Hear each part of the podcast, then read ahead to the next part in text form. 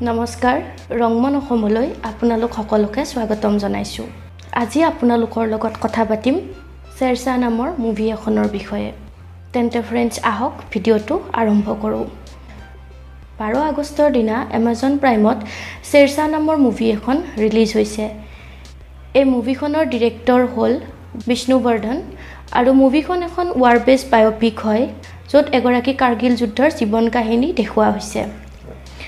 মুভিখনৰ leading ৰোলত আছে সিদ্ধাৰ্থ মালোত্ৰা আৰু লগতে ফিমেল লিড এক্ট্ৰেছ হিচাপে কিয়াৰা আদৱানী। মুভিখন হৈছে কাৰ্গিল যোদ্ধা বিক্ৰম বাট্টাৰ বায়'পিক মুভিখনত বিক্ৰম বাট্টাৰ যি দেশ প্ৰেম বা কাৰ্গিল যুদ্ধত তেওঁৰ যি ভূমিকা তেওঁৰ জীৱন বা তেওঁৰ জীৱনৰ যি সম্পৰ্ক এই সকলোবোৰ এই মুভিখনত দেখুওৱা হৈছে।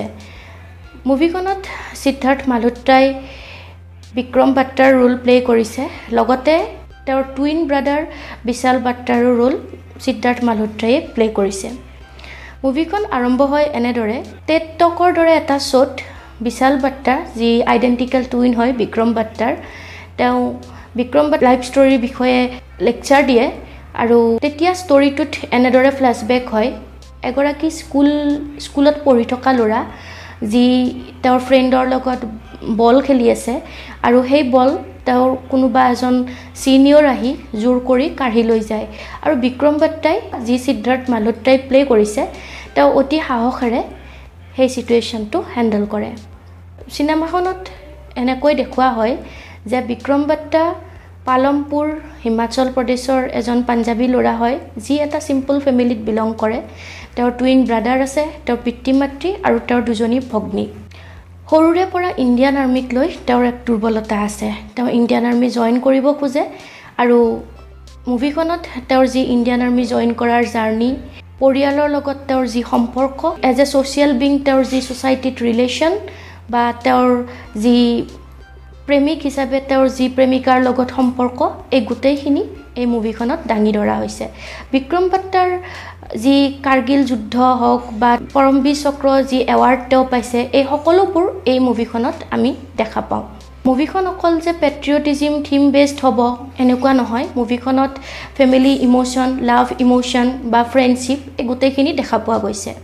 এটা কম্ব' পেক হয় এই মুভিখন। আৰু তাৰোপৰি যি কাৰ্গিল যুদ্ধত ইণ্ডিয়ান আৰ্মীয়ে কেনেকুৱা পৰিস্থিতিৰ সন্মুখীন হ'বলগীয়া হৈছিল এই গোটেইখিনি এই মুভিখনত ধুনীয়াকৈ ৰিফ্লেক্ট কৰা হৈছে। এতিয়া আহোঁ সিদ্ধাৰ্থ মালহোত্ৰাৰ এক্টিঙৰ বিষয়ে। সাহসিকতা হওক বা দেশপ্ৰেম হওক বা তেওঁৰ যি তেওঁৰ পুত্ৰ হিচাপে তেওঁৰ পৰিয়ালক লৈ তেওঁৰ যি দায়িত্ববোধ হয় যি বণ্ডিং হয় বা প্ৰেমিকা প্ৰেমিকাক লৈ তেওঁৰ যি প্ৰেম হয় এই গোটেইখিনি কম্ব ইম'শ্যন সিদ্ধাৰ্থ মালহোত্ৰাই খুব ধুনীয়াকৈ ৰোল প্লে' কৰিছে। লগতে কিয়াৰা আদৱানী তেওঁৰ এক্টিঙো প্ৰশংসনীয়। এগৰাকী পাঞ্জাবী ভাষা কোৱা ছোৱালী হৈছে তেওঁ য'ত খুব ধুনীয়াকৈ তেওঁ পাঞ্জাবী ভাষাটো কৈছে। লগতে এনেকুৱা এগৰাকী ছোৱালী যি বল্ড হয় যি নিজৰ লাভক লৈ ষ্ট্ৰং হয় নিজৰ প্ৰেমক লৈ যি দৃঢ় হয় যি নিজৰ প্ৰেম নিজৰ পিতৃ মাতৃৰ আগত সাহসিকতাৰে প্ৰকাশ কৰিব পাৰিছে এই গোটেইখিনি কিয়াৰা আদৱানীয়ে ধুনীয়াকৈ প্লে' কৰিছে। লগতে মুভিখনত যি চ'লফুল গান প্ৰত্যেকটো ছিটুৱেশ্যনৰ লগত মিলাকৈ সঁচাকৈ বহুত ইম'চনেল হয়। শেষৰ চিনটো যেতিয়া বিক্ৰম বাট্টাই পৰমবীৰ চক্ৰ পায় সেই যি মমেণ্টটো সকলোকে এটা এজ এ ইণ্ডিয়ান বহুত প্ৰাউড ফিল কৰাব পৰা মমেণ্ট হয়। গতিকে এজ এ হ'ল মুভিখন পেট্ৰিয়টিজিম হওক any kind of emotion as a child বা এজ এ লাভাৰ এই গোটেইখিনি মুভিখনত আমি ফিল কৰিব পাৰোঁ। এতিয়া আহোঁ মুভিখনৰ যি ৰিয়েল হিৰ' বিক্ৰম বাট্টা তেওঁৰ লাইফ ষ্টৰীৰ বিষয়ে। চৌব্বিছ বছৰ বয়সতে বীৰত্বৰ প্ৰমাণ দিয়া বিক্ৰম বাট্টাৰ জন্ম হৈছিল হিমাচল প্ৰদেশৰ পালামপুৰত। নাইনটিন হাণ্ড্ৰেড ছেভেণ্টি ফ'ৰত তেওঁৰ জন্ম হয়। তেওঁ শিক্ষকৰ পৰিয়ালৰ ল'ৰা আছিল। খুব চিম্পল পাঞ্জাবী ফেমিলি এটাত তেওঁ জন্মগ্ৰহণ কৰিছিল। তেওঁৰ টুইন ব্ৰাদাৰ আছিল। টুইন ব্ৰাদাৰৰ ভিতৰত তেওঁ ডাঙৰ আছিল। বিক্ৰম বাট্টাৰ সৰুৰে পৰাই ইণ্ডিয়ান আৰ্মি জইন কৰিবলৈ এটা এইম আছিল। তেওঁ যেতিয়া কলেজত পঢ়ি থাকে হংকং বেছড মাৰ্চেণ্ট নেভিৰ পৰা এটা অফাৰ পাইছিল যিটো তেওঁ একচেপ্ট নকৰিলে। কাৰণ তেওঁৰ কাৰণে টকা পইচাই ডাঙৰ নাছিল।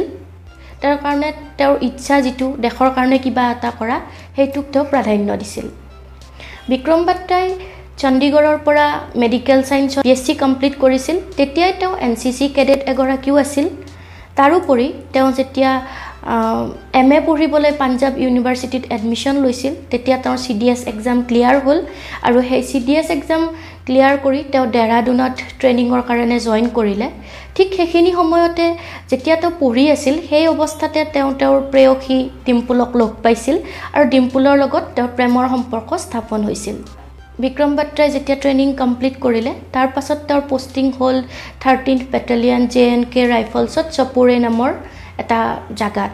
তাৰ পাছত তেওঁ যেতিয়া কামাণ্ডো ট্ৰেইনিং কমপ্লিট কৰি আহিলে ঠিক তেতিয়াই ভাৰতত কাৰ্গিল যুদ্ধৰ পৰিৱেশৰ সৃষ্টি হৈছিল নাইনটিন হাণ্ড্ৰেড নাইণ্টি নাইনত। সেইখিনি সময়ত ইলিগেলি পাকিস্তানী ট্ৰুপে আমাৰ এল অ' চিক ক্ৰছ কৰি ইলিগেলি আমাৰ টেৰিটৰী কেপচাৰ কৰিছিল আৰু কাৰ্গিল যুদ্ধৰ পৰিৱেশৰ সৃষ্টি হৈছিল। বিক্ৰম বাত্ৰা তেতিয়া তেওঁৰ যি বেটেলিয়ন আছে তেওঁলোকক ড্ৰাছ ছেক্টৰলৈ পঠোৱা হ'ল। আৰু ড্ৰাছ ছেক্টৰ এনেকুৱা এটা ৰিজন এনেকুৱা এটা দুৰ্গম জেগা যি ক'ল্ডেষ্ট ৰিজন আটাইতকৈ ঠাণ্ডাৰ জেগা বুলি কোৱা হয় ভাৰতৰ আৰু য'ত minus forty degree Celsius temperature থাকে। এনেকুৱা দুৰ্গম জেগাত গৈও বিক্ৰম বাত্ৰাই কিন্তু তেওঁৰ বীৰত্ব প্ৰমাণ কৰিছিল। তললিং হিল বেটেল কাৰ্গিল যুদ্ধৰ যি এটা লেণ্ডমাৰ্ক হয় ইণ্ডিয়াৰ বাবে তললিং হিল যেতিয়া ইণ্ডিয়াই ৰিকেপচাৰ কৰিলে তাৰ পাছত ঠিক তললিঙৰ নৰ্থৰ ফালে ওৱান পইণ্ট ছিক্স কিলোমিটাৰ দূৰত five one four zero' point এটা আছে। সেই পইণ্টটো ৰিকেপচাৰ কৰিবলৈ বিক্ৰম বাত্ৰা সহিতে এটা গ্ৰুপক মিছনত পঠোৱা হ'ল। আৰু Vikram Batra without any casualty খুব সাহসেৰে ৰিকেপচাৰ কৰিলে আৰু তাতে ইণ্ডিয়াৰ ত্ৰিৰংগা উৰাইছিল।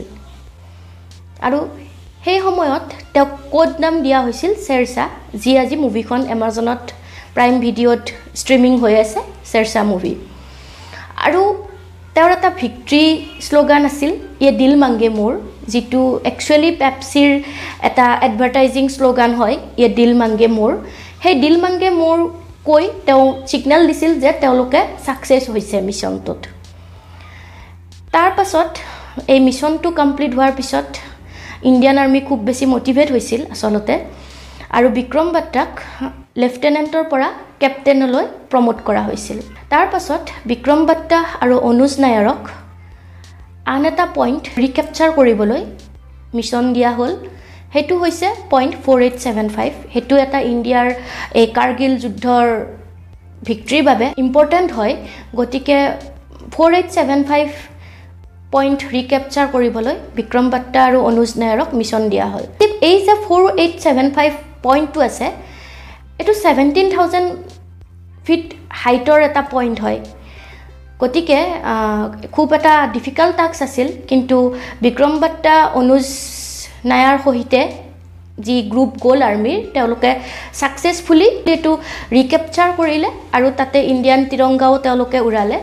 তাৰ পাছত আনলাকিলি বিক্ৰম বাত্ৰাৰ যি গ্ৰুপৰ এজন লেফটেনেণ্ট আছিল তেওঁ গ্ৰেনেডৰ দ্বাৰা আঘাতপ্ৰাপ্ত হৈছিল আৰু তেওঁ ভৰিত দুখ পাইছিল। আৰু তেওঁক বচাবলৈ যেতিয়া তেওঁ মুকলি জাগলৈ ওলাই আহিল তেতিয়া এনিমিৰ এটা বুলেট আহি তেওঁৰ চেষ্টত লাগিল আহি আৰু তেওঁ শ্বহীদ হ'ল। গতিকে ফ্ৰেণ্ড বিক্ৰম বাত্ৰাৰ যি দেশ প্ৰেম দেশক লৈ তেওঁৰ যি ত্যাগ সঁচাকৈ প্ৰশংসনীয়। আৰু প্ৰতিজন সৈনিকৰে যি জীৱন কাহিনী তেওঁলোকৰ যি দেশ প্ৰেম তেওঁলোকৰ যি ত্যাগ আমি সশ্ৰদ্ধে নমন কৰোঁ।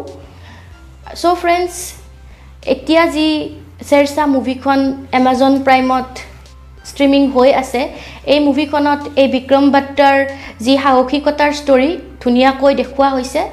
মুভিখন যদি আপোনালোকে চোৱা নাই নিশ্চয় চাব। আৰু মুভিখন যিসকলে চাইছে বা চাব আপোনালোকে কমেণ্টত জনাব যে মুভিখন চাই কেনেকুৱা পালে বা কেনেকুৱা অনুভৱ কৰিলে। ভিডিঅ'টো আজি ইমানতে সামৰিছোঁ। ধন্যবাদ। জয় হিন্দ।